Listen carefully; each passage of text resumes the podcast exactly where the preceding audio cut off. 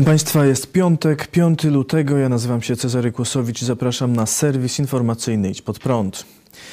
Brak porozumienia w porozumieniu. Wojna na pełną skalę wybuchła w koalicyjnej partii Porozumienie. Europoseł Adam Bielan po kwerendzie w dokumentach partii miał stwierdzić, że Jarosław Gowin formalnie nie jest prezesem partii. Tak też uważa sąd koleżeński, który ogłosił, że według statutu kadencja prezesa trwa 3 lata, a zatem powinna upłynąć najpóźniej w 2019 roku, a od tej pory nie przeprowadzono w partii wyborów prezesa, zatem mandat Gowina wygasł. W tej sytuacji obowiązki prezesa powinien pełnić przewodniczący konwencji krajowej, którym jest Adam Bielan. Równolegle zarząd partii przegłosował zawieszenie Adama Bielana i kilku innych osób w prawach członka partii, zarzucając im łamanie statutu.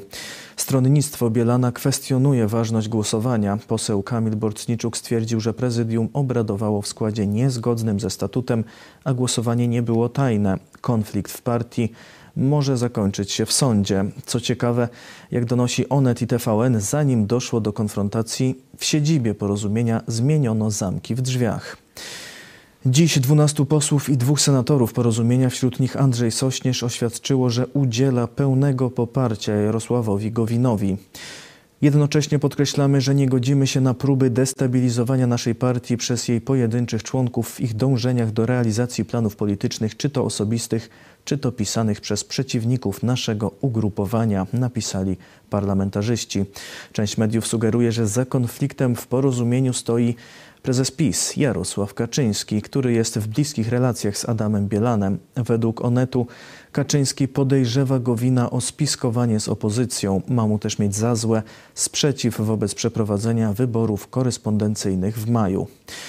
Według informacji Polskiej Agencji Prasowej dziś po południu odbyło się spotkanie Jarosława Kaczyńskiego z Jarosławem Gowinem. Polityk związany z Gowinem miał powiedzieć, że spotkanie potwierdziło ważność umowy koalicyjnej. W przyszłym tygodniu ma odbyć się spotkanie Rady Koalicyjnej Zjednoczonej Prawicy. Premier Mateusz Morawiecki ogłosił dziś zniesienie części obostrzeń epidemicznych w gospodarce. Zmiany mają wejść w życie 12 lutego. Otwarte zostaną kina, filharmonie i teatry, przy czym obowiązywać będzie limit 50% zajętych miejsc na widowni i noszenie maseczek. Otworzyć można też hotele, przy czym również będą one mogły przyjąć gości tylko w połowie dostępnych pokoi. Restauracje hotelowe mają być zamknięte, a posiłki przynoszone do pokoi na życzenie gości. Otwarte zostaną także zewnętrzne boiska sportowe, korty, stoki narciarskie i baseny. Nadal nieczynne będą akwaparki i siłownie. Lokale gastronomiczne, tak jak dotychczas, mają serwować posiłki tylko na wynos. Rozluźnienie obostrzeń ma potrwać próbnie dwa tygodnie od 12 do 26 lutego. Potem rząd ma ogłosić dalsze decyzje. Dziś 368 osób zmarło z powodu chińskiego koronawirusa, tak przekazało Ministerstwo Zdrowia. Od początku pandemii zmarło w Polsce łącznie ponad 38, 7, 38 700 osób. Wczoraj potwierdzono 6 tysięcy nowych zakażeń. Nadal spada liczba łóżek szpitalnych zajętych przez osoby zakażone. Teraz wynosi 12 800. Nieznacznie wzrosła liczba respiratorów wykorzystywanych w leczeniu. Jest ich teraz 1338. Łącznie w Polsce wykonano już ponad 1,5 miliona szczepień przeciw COVID-19. 395 tysięcy osób przyjęło obie dawki szczepionki. Stwierdzono ponad 1200 przypadków niepożądanych odczynów poszczepiennych. Tylko wczoraj wykonano 101 tysięcy szczepień. Górnicy ostrzegają przed zamykaniem elektrowni. Wolny Związek Zawodowy Sierpień 80 wysłał list do posłów Prawa i Sprawiedliwości ostrzegający przed polityką rządu w sferach górnictwa i energetyki. Związek zwraca uwagę na decyzję o wyłączeniu węglowych bloków elektrowni Dolna Odra. Jak czytamy w liście, do roku 2022 wyłączone mają być wszystkie bloki węglowe tej elektrowni. Pracę straci kilkanaście tysięcy ludzi. W samej elektrowni Dolna Odra ponad tysiąc osób. W kopalniach dostarczających węgiel do tej elektrowni Bolesław Śmiały, Piekary, Ruda, Sośnica kolejnych kilka tysięcy. Zarząd PGE podejmuje decyzję o wyłączeniu bloków węglowych w Dolnej Odrze pomimo ogromnych, idących w dziesiątki milionów złotych inwestycji, jakie w ostatnim czasie wpompowano w polepszenie funkcjonowania tych bloków. Mogłyby one pracować jeszcze przez co najmniej 12-15 lat. Związek zwraca też uwagę na niezgodność ogłoszonej polityki energetycznej z wcześniejszymi deklaracjami, podkreślając, że według nowego planu w 2030 roku potrzeby energetyki będą mogły zabezpieczyć dwie, trzy kopalnie. Jak więc rząd ma zamiar dotrzymać zobowiązania, że większość kopalni na Śląsku będzie likwidowana dopiero po roku 2030? Pytają związkowcy. Sierpień 80 podkreśla też, że założenia planu o budowie elektrowni jądrowych i wiatrowych są nierealistyczne. Kłamstwem wobec całego społeczeństwa są nierealistyczne obietnice zawarte w programie energetycznym Polski w zakresie zastąpienia energii z węgla energią z atomu i morskich farm wiatrowych. Do roku 2033 żadna elektrownia atomowa nie powstanie, a do roku 2030 nie będziemy w stanie uzyskiwać z bałtyckich farm wiatrowych mocy zapisanych w rządowym dokumencie. Wiedzą to doskonale ministrowie tego rządu, mówią o tym liczne analizy, czytamy w liście. Związek zaznacza, że w tej sytuacji zaniechanie inwestycji w elektrownie węglowe i kopalnie spowoduje braki energii, uzależnienia od rosyjskiego gazu i energii importowanej z Niemiec. Przewodniczący Związku Bogusław Ziętek podsumowuje, Wobec powyższego oczywistym staje się, dlaczego rząd Mateusza Morawieckiego nie wywiązał się ze zobowiązania zawarcia umowy społecznej do 15 grudnia. Nie chodzi bowiem o zawarcie jakiejkolwiek umowy i jej przedstawienie w Unii Europejskiej, z którą rząd nie ma żadnych nawet wstępnych uzgodnień. Chodzi o obłudną grę, w wyniku której rząd polityką faktów dokonanych stawia stronę społeczną pod ścianą w sytuacji bez wyjścia. Jeśli rząd nie podejmie decyzji w tym roku, to Polska nie zdąży z budową elektrowni jądrowej. Rząd Prawa i Sprawiedliwości wpisał do planu polityki energetycznej Polski budowę sześciu bloków elektrowni atomowych. Pierwszy ma powstać w 2033 roku, a następne miałyby być otwierane co 2-3 lata. Analityk sektora energetycznego Wojciech Jakubik z portalu Business Alert ostrzega, że jeśli rząd nie podejmie szybko decyzji o wykonawcach projektu, to nie będzie szans na wypełnienie rządowych założeń. 2021 rok to być albo nie być dla projektu energetyki jądrowej w Polsce. To w 2021 roku musimy podjąć ostateczną decyzję, czy i z kim budujemy elektrownie jądrowe. Jeśli mają to być Amerykanie, to już na początku 2021 roku powinniśmy się zdecydować, podpisać pierwsze umowy i przygotować się do budowy pierwszego bloku elektrowni jądrowej, który powstałby na Pomorzu w okolicach 1933 roku. To i tak już jest prawie za późno. To jest ostatni moment, ponieważ Atom jest fundamentem polityki energetycznej Polski do 2040 roku. To duży atom ma dać skokowy spadek emisji obniżający e, koszty polityki klimatycznej w Polsce, obniżający koszty energii elektrycznej w Polsce, a także podwyższający przez to konkurencyjność gospodarki, to duży atom ma stabilizować odnawialne źródła energii, których ma być w Polsce coraz więcej, ale trzeba w jakiś sposób zapewnić bezpieczeństwo dostaw. Nie zrobi tego węgiel schodzący z rynku, tylko do pewnego stopnia może to zrobić gaz, który nadal jest emisyjny i najlepszym rozwiązaniem jest właśnie duży atom, który da stabilizację i zerową emisję dwutlenku węgla. Dlatego jest właśnie fundamentem polityki energetycznej Polski, naszej strategii energetycznej. I jeśli nie dojdzie do rozstrzygnięcia w 2021 roku, to trzeba będzie zmienić tę politykę i przestać marzyć o atomie. Chińska telewizja rządowa wyrzucona z Wielkiej Brytanii. Telewizja CGTN z komunistycznych Chin nie może już nadawać w Wielkiej Brytanii. Brytyjskie Biuro do Spraw Komunikacji wycofało chińskiej telewizji licencję, w uzasadnieniu stwierdzając, że właściciel licencji, chińska firma Star China Media, nie ma faktycznej kontroli nad treściami, jakie pojawiają się na antenie. Biuro podało, że telewizja jest ostatecznie kontrolowana przez Komunistyczną Partię Chin, co nie jest dozwolone na mocy brytyjskiego prawa nadawczego. Ponadto kierownictwo telewizji nie udzieliło biuru odpowiedzi na wielokrotnie stawiane kluczowe pytania, a sama telewizja, jak stwierdził brytyjski organ, była nieobiektywna w przedstawianiu na przykład sprawy protestów prodemokratycznych w Hongkongu. Nie żyje lekarz, który opiekował się Aleksiejem Nawalnym. Za oficjalną przyczynę nagłej śmierci 55-letniego Siergieja Maksymyszyna podano zawał serca. Rzeczniczka rosyjskiego Ministerstwa Zdrowia we władzach obwodu omskiego Galina Nazarowa powiedziała, że Maksymiszyn zmarł będąc w miejscu pracy. Współpracownik Nawalnego Leonid Wołkow w wypowiedzi przekazanej CNN stwierdził jednak, że w śmierci lekarza mogły brać udział osoby trzecie. On wiedział więcej niż ktokolwiek inny o stanie Aleksieja, dlatego nie mogę wykluczyć, że nie zmarł własną śmiercią. Jednak system ochrony zdrowia w Rosji jest niezadowalający, dlatego lekarze w jego wieku mogą przedwcześnie umierać. Wątpię, że w jego sprawie zostanie wszczęte śledztwo, mówił Wołkow. Siergiej Maksymiszyn był jednym z lekarzy, którzy zajmowali się leczeniem rosyjskiego opozycjonisty Aleksieja Nawalnego, który 20 sierpnia ubiegłego roku trafił do szpitala po tym, jak został otruty nowiczokiem. Rosyjska służba zdrowia nigdy nie potwierdziła otrucia Nawalnego. Wojska amerykańskie zostaną w Niemczech. Prezydent Stanów Zjednoczonych Joe Biden odwołał decyzję swojego poprzednika Donalda Trumpa o zmianach w składzie wojsk amerykańskich w Niemczech. Liczba żołnierzy stacjonujących w tym kraju miała zostać zmniejszona z 36 tysięcy do 25 tysięcy, ponieważ, jak twierdził Donald Trump, Niemcy nie przeznaczają wystarczająco dużo środków na rozwój obronności. Część z wycofanych żołnierzy miała trafić do państw NATO, w tym do Polski.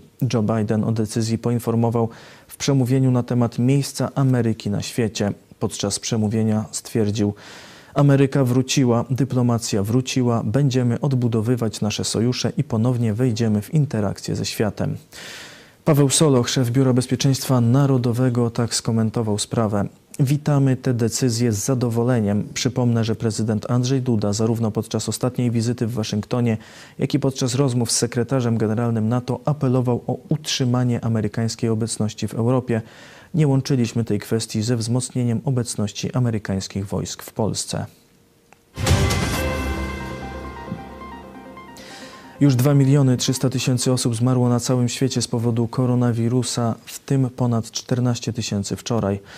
Europejskie Centrum do Spraw Zapobiegania i Kontroli Chorób opublikowało epidemiczną mapę Europy, na której zaznaczono kolejne regiony według różnego stopnia zagrożenia epidemicznego. Kolorem ciemnoczerwonym, świadczącym o stosunkowo największej liczbie potwierdzonych zakażeń, zaznaczono Estonię, Łotwę, Czechy, Słowenię oraz prawie całą Hiszpanię, a także pojedyncze obszary Szwecji, Irlandii, Francji, Włoch, Słowacji i Litwy. Polska zaznaczona została kolorem czerwonym. Regiony pomarańczowe, czyli będące obecnie w najlepszej sytuacji to Grecja, Dania i Finlandia. Władze Szwecji przedłużyły wczoraj obowiązywanie restrykcji epidemicznych. Szwedzka minister do spraw socjalnych Lena Hallengren zapowiedziała dodatkowo, że trwają prace nad kolejnymi restrykcjami w ramach ustawy pandemicznej. Rząd rozważa wprowadzenie ograniczeń w transporcie publicznym, a także zamknięcie sklepów, siłowni i lokali gastronomicznych. Ponadto rząd Szwecji zapowiedział wczoraj rozpoczęcie prac nad cyfrowym paszportem szczepionkowym. Rosja wykorzystuje swoją szczepionkę do rozszerzenia wpływów, twierdzi hiszpański dziennik El Mundo. Gazeta podaje, że szczepionka służy propagandzie o niezależności rosyjskiej służby zdrowia, a dzięki niskiej cenie jest skutecznym narzędziem politycznym Kremla. Co więcej, w artykule zaznaczono, że na skorzystanie z rosyjskiej szczepionki decydują się szczególnie państwa, które nie mają uprzywilejowanych stosunków z USA. Według hiszpańskiego dziennika Rosja w kontekście szczepionki koncentruje swoje działania na Ameryce Łacińskiej. Moskwa chce rozszerzyć strefę wpływów w Ameryce Łacińskiej i stać się ulubionym partnerem dla wielu państw rozwijających się, których światowa pozycja na dłuższą metę wzrośnie, czytamy w El Mundo. Rosja wydaliła trzech europejskich dyplomatów podczas wizyty szefa dyplomacji Unii Europejskiej. Dyplomaci z Niemiec, Polski i Szwecji otrzymali dziś nakaz opuszczenia Rosji. Według nieoficjalnych informacji powodem wydalenia urzędników jest ich wsparcie dla rosyjskiego opozycjonisty Aleksieja Nawalnego. Decyzja władz Rosji została ogłoszona podczas wspólnej konferencji prasowej z udziałem szefa dyplomacji Unii Europejskiej Josefa Borrella i rosyjskiego ministra spraw zagranicznych Siergiera, Siergieja Ławrowa. Ławrow ogłosił dziś, że Rosja nie uważa Unii Europejskiej za rzetelnego partnera i liczy na bardziej pragmatyczną współpracę z Unią Europejską. Agnieszka Legucka z Polskiego Instytutu Spraw Międzynarodowych napisała na Twitterze, że Unia Europejska nie zareagowała wystarczająco ostro na sprawę uwięzienia rosyjskiego działacza. Konferencja Borela i Ławrowa to sukces wizerunkowy władz rosyjskich. Sprawa Nawalnego wymieniana jest w kontekście agresji policji w USA, Francji i Hiszpanii. Ławrow stwierdził, Rosji zależy na pragmatycznych stosunkach z UE. Borel z Rosją można współpracować pomimo nieporozumień. Polskie Ministerstwo Spraw Zagranicznych ogłosiło dziś, że w związku z wydaleniem polskiej dyplomatki z Rosji wezwało rosyjskiego ambasadora na rozmowę. W oświadczeniu resortu czytamy, że ambasadora poinformowano, iż polska dyplomatka realizowała wyłącznie zadania służbowe wynikające ze statusu dyplomatycznego i zgodne z konwencją wiedeńską. Strona polska oczekuje, że władze rosyjskie cofną błędną decyzję. W przeciwnym wypadku Polska pozostawia sobie możliwość podjęcia adekwatnych kroków. I przechodzimy do informacji sportowych. Emocje we Wrocławiu. Na takie mecze czekają koszykarscy kibice w Polsce. WKS Śląsk Wrocław po kapitalnym pojedynku pokonał koszykarzy Arget BM Slam Stal Ostrów Wielkopolski 98 do 97. Najlepszym zawodnikiem spotkania został gracz Śląska Wrocław, Amerykanin Kyle Gibson, który zdobył 29 punktów, a ponadto zaliczył 5 asyst i zebrał 5 piłek. Gospodarzom zwycięstwo zapewnił w samej końcówce spotkania Amerykanin Elijah Stewart. W tabeli Energa Basket Ligi prowadzi Enea Zastal BC Zielona Góra przed WKS Śląskiem Wrocław i Legią Warszawa. Stal Ostrów Wielkopolski zajmuje czwartą pozycję. Znamy skład drużyny Mistrzostw Europy w koszykówce. Trener koszykarskiej reprezentacji Polski Mike Tyler powołał 15 zawodników na eliminację do Mistrzostw Europy, które odbędą się w lutym. Nasza kadra zagra z Hiszpanią i Rumunią. Wszystkie mecze zostaną rozegrane w Gliwicach. Do kadry powraca były kapitan biało-czerwonych Adam Waczyński. Z uwagi na pandemię koronawirusa mecze eliminacyjne rozgrywane są w turniejowych bańkach. Po ostatnim turnieju rozegranym w Walencji w tabeli prowadzi Izrael z kompletem czterech zwycięstw. Biało-czerwoni zajmują drugą pozycję z bilansem dwóch zwycięstw i dwóch porażek.